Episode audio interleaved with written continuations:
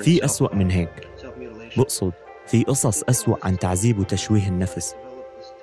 كانوا يعملوا هاي الأشياء لأنه كانوا بيعتقدوا إنه رح تعطيهم حسنات بيقدروا يستخدموها ليساعدوا الناس. فصار عندهم نفوذ. بس المشكلة إنه كان يجي يوم يموتوا فيه ووقت يموتوا أجسادهم بتتحلل بشكل طبيعي. وكل هاي الحسنات يلي راكموها بتتحلل معهم. لهيك كان بدهم طريقة ليحافظوا من خلالها على أجسادهم.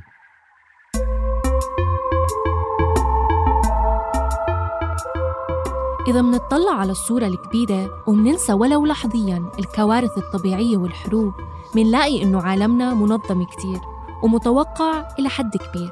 الأرض بتدور بشكل منتظم الأطفال بينولدوا وهم عم يبكوا والإنسان لابد إنه يكبر مع مرور الزمن. وكأنه في إيقاع بيضبط أنماط الحياة مهما كانت مختلفة. بس بهذا البودكاست ندعوكم تنضموا إلنا لنكتشف عوالم جديدة ونغرق مع بعض بإيقاعات بتختلف عن اللي تعودنا عليها. عوالم مجردة وبديلة عوالم متداخلة عالم جوا عالم جوا عالم تماما مثل اللعبة الروسية ماتريوشكا. أنا تالا العيسى بهالموسم رح أبلش معكم من أصعب مكان من عالم الموت. قمنا بهذا العمل بالتعاون مع مؤدي قام بتمثيل صوت الضيف اللي أجرينا معاه مقابلة باللغة الإنجليزية. معظم الأديان والمعتقدات تعتبر أنه جزء مهم من تكريم الموتى بيكون بمواراتهم إما عبر دفنهم تحت الأرض أو حرقهم على قوارب وتركهم على وجه المي أو حتى حرقهم داخل أفران بتفتفت عظامهم لحتى ما يبقى منهم غير الرماد.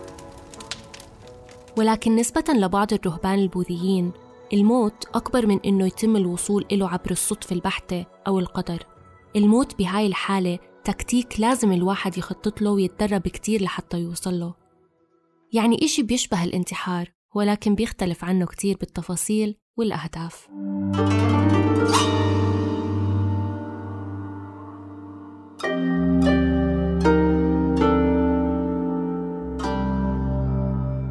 أنا اسمي كينجي راميا عايش برود آيلاند بالولايات المتحدة. بدرس مواد بالجامعة وبالمدرسة الثانوية وإلي سنين بنظم جولات سياحية باليابان بالغالب بهيروشيما وكيوتو وطوكيو. بال 2005 خلال واحدة من جولاته الانفرادية بشمال اليابان اتعرض كان لموقف فتح له عيونه على عالم ما كان حاسب حسابه ولا عارف أي شي عنه. كان مخطط إنه يكمل رحلته نحو الشمال بس الموقف كان كفيل إنه يغير له المسار. كنت راكب قطار بشمال اليابان وتعرفت على رجال كبير بالعمر. صرنا نحكي وندردش بالياباني. سألني شو جاي أعمل باليابان. شرحت له أني بدي أشوف وأفهم أشياء وظواهر مو موجودة بأمريكا. كنا بنحكي ياباني أنا وياه. فسألني سامع بالسوكوشن بوتسو؟ قلت له ولا بعمري سمعت بهالكلمة. دورت عليها بالقاموس الصغير اللي كان معي كمان ما لقيتها. فطلبت منه إنه يشرح لي أكثر عن هاي الكلمة عن شو عم يحكي.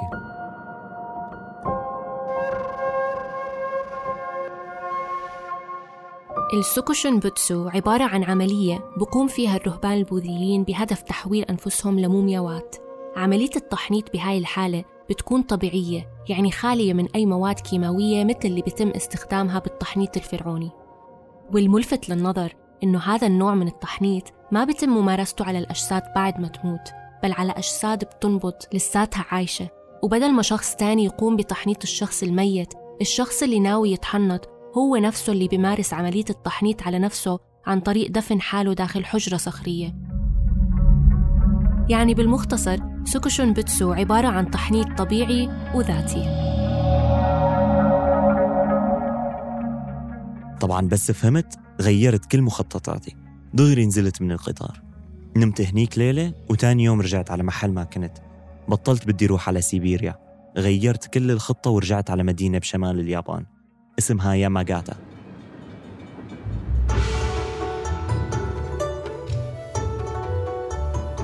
من بعد هالموقف كرس كان ست سنوات من حياته لدراسة الرهبان البوذيين وطقوسهم. ترجم ثلاث كتب بتحكي عنهم وكتب كتابين. اشتهر التحنيط الذاتي في اليابان ما بين القرن ال11 والقرن ال19 حول جبل يودونو الواقع بمنطقة ياماغاتا بالشمال. في أسطورة بتقول إنه كوبو دايشي كان أول راهب بوذي بينجح بتحنيط نفسه ذاتياً. دايشي هو مؤسس البوذية الباطنية في اليابان. عاش التأمل الأبدي وكان كل حلمه إنه يصير بوذا. بعد ما طلعوه أتباعه من الحجرة اللي كان عم بحنط نفسه فيها تحت الأرض ادعوا إنه شعره استمر بالنمو وبشرته كانت دافية. هالشي خلاهم يعتقدوا إنه دايشي ما مات وإنه فقط عم يتأمل وينتظر بوذا المستقبل ليجي ويساعد بخلاص البشرية. كانوا مأمنين بهالإشي لدرجة إنه استمروا بإطعامه.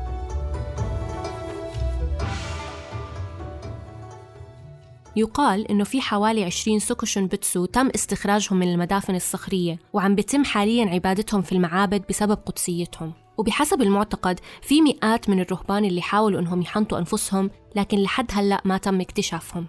خلال رحلاته زار كان بعض المعابد اللي بتحتوي على الرهبان المحنطين. شينيا كان أحد المومياوات اللي شافها.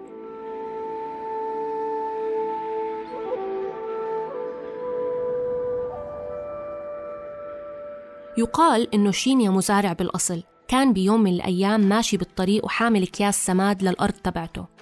وبالصدفة قابل مجموعة ساموراي يعني محاربين قدامى وكلمة من هون وكلمة من هناك نشأ بينهم خلاف. وفجأة رفع واحد من المحاربين سيفه على شينيا وحاول إنه يؤذيه. قام شينيا مسك أكياس هالسماد واستخدمها كسلاح وقتل الساموراي.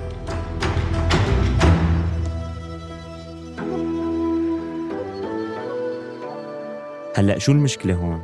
المشكلة إنه أيامها تصرفه كان رح يكلفه حياته.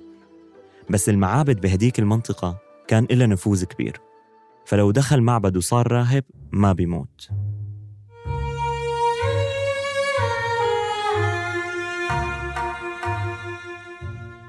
للخلاص من الموت أصبح شينيا راهب وبعد فترة من الزمن قام بتحنيط نفسه. كان مو بقيان من وشه غير الهيكل العظمي. بس إيديه كان عليهم شوية لحم وظهره كمان. حكيت مع كبير الكهنة بالمعبد. أعطاني شوية معلومات بسيطة وحكى لي عن المومياوات الستة الموجودة بإقليم ياماغاتا. بعد هديك السنة قررت روح زورهم كلهم.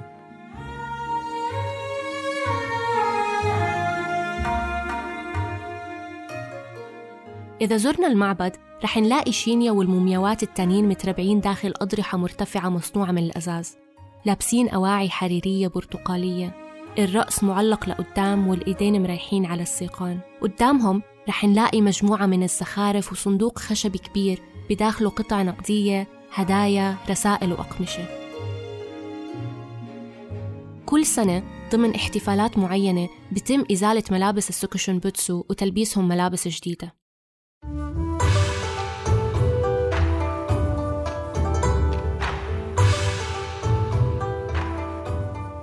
طيب يبقى السؤال الأهم كيف بتم تحنيط الجسد من دون أي مواد كيماوية مثل اللي حكينا عنها بحلقة بيت مين ده؟ الموضوع معقد وبتطلب انضباط مخيف.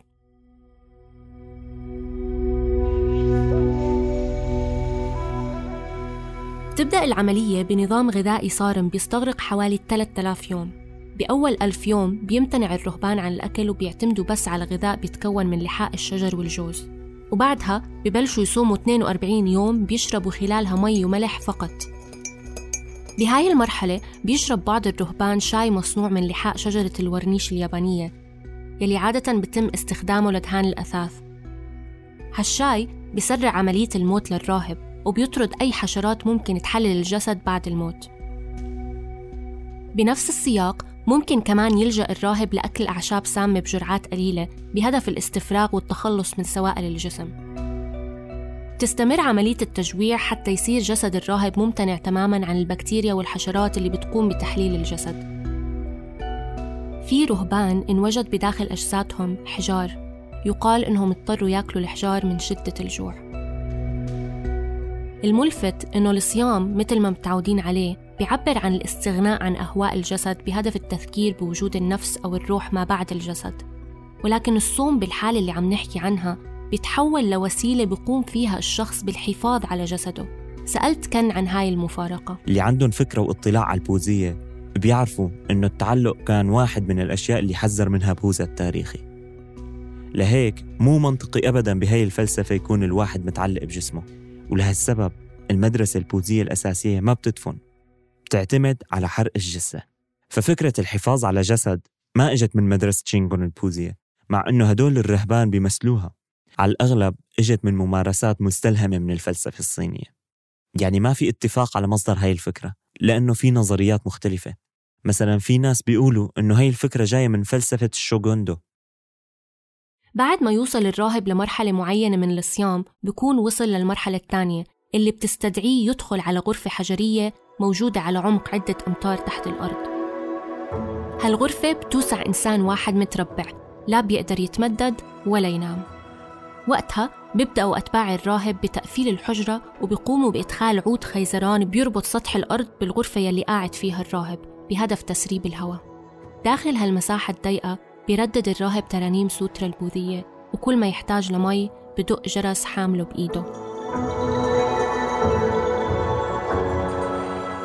بعد فترة من الزمن بيوقف رنين الجرس.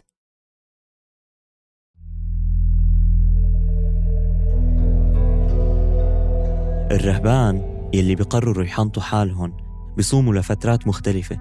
في منهم بيصوموا لثلاث سنين وفي منهم بيوصل صيامهم للعشر سنين. وقت يقرب موعد موتهم بيدخلوا على الحفرة وما عاد بيطلعوا. ما بتخيل يطولوا هنيك. يومين بالكتير.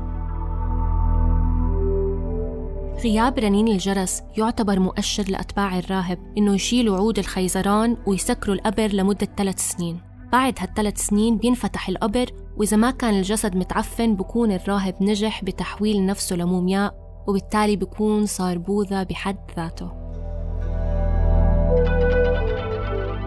لكن شو يلي ممكن يدفع شخص ما لتحنيط نفسه طبيعيا ويبدأ بالموت البطيء والتدريجي؟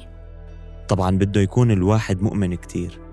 حتى بقدر أقول إنه بده يكون متعصب جدا ليؤمن بهيك شيء يعني أول شيء بده يكون مؤمن بعمق إنه هالحيز الفردوسي موجود. وكمان بده يكون مؤمن إنه هالطقوس رح تحافظ على جسده وإنه هالجسد ضروري لمساعدة الناس. كل هاي الأشياء برأيي بدها إيمان هائل وكبير. أتباع الديانة البوذية عندهم اعتقاد إنه روح الإنسان ما بتنتهي بالموت بل بتعود للتجسد في كائن حي آخر. وبيستمر هالموضوع لآلاف السنين لحتى توصل روحهم لمكانة بتخولهم إنهم يكونوا تجسيد لبوذا على الأرض.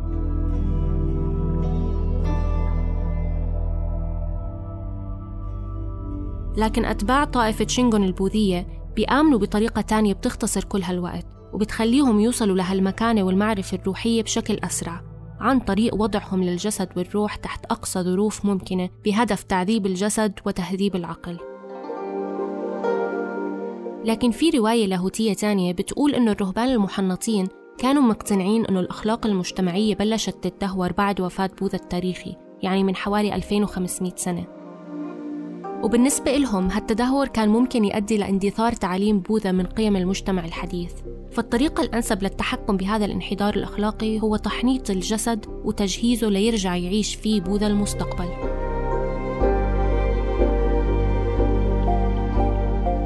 بعتقد إنه قلال يلي مارسوا هالطقوس. بس يلي عملوها وحنطوا حالهم عملوا فعل غير قانوني تاريخيا في اليابان لأنه يلي عملوه انتحار.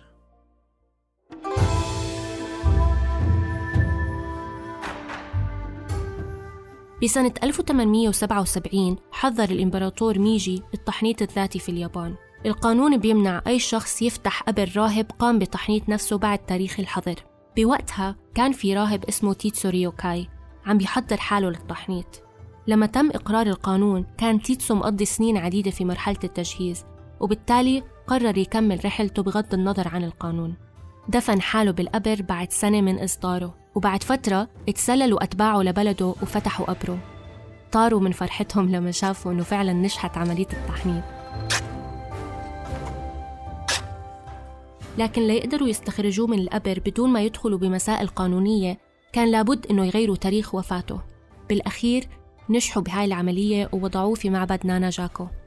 وبهيك بكون الراهب تيتسو ريوكاي آخر مومياء سوكوشن بوتسو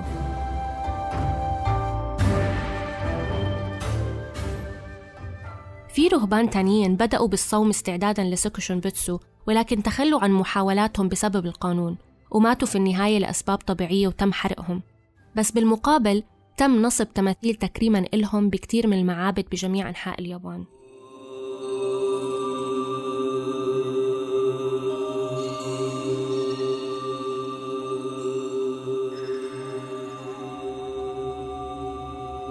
ممكن نعتبر المومياوات بمختلف أشكالها وطرق تكونها دليل لأهمية الجسد بالنسبة لإلنا كبشر. حتى لما نكون مآمنين إننا منحتوي على أرواح رح تعيش بعد الموت بضل صعب نتصور الحياة من دون الجسد. ومهما كانت علاقتنا مع أجسادنا معقدة بضل الجسد هو الإناء اللي بيحتوي على كل إشي ممكن نكونه على الأقل وإحنا عايشين.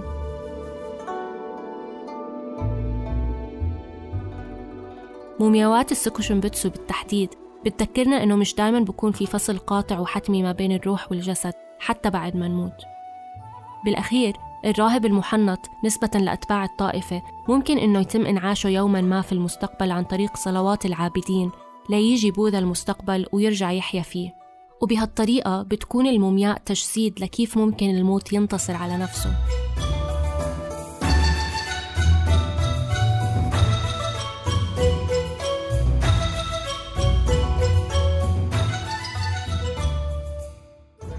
كنا معكم من الكتابة والمساهمة بالإعداد سليم سلامة تقديم والإعداد تالا العيسى البحث بيان عروري هندسة الصوت وإخراجه محمود أبو ندى أداء صوت كن تيسير قباني الترجمة كريستينا كاكادو النشر والتواصل مرام النبالي.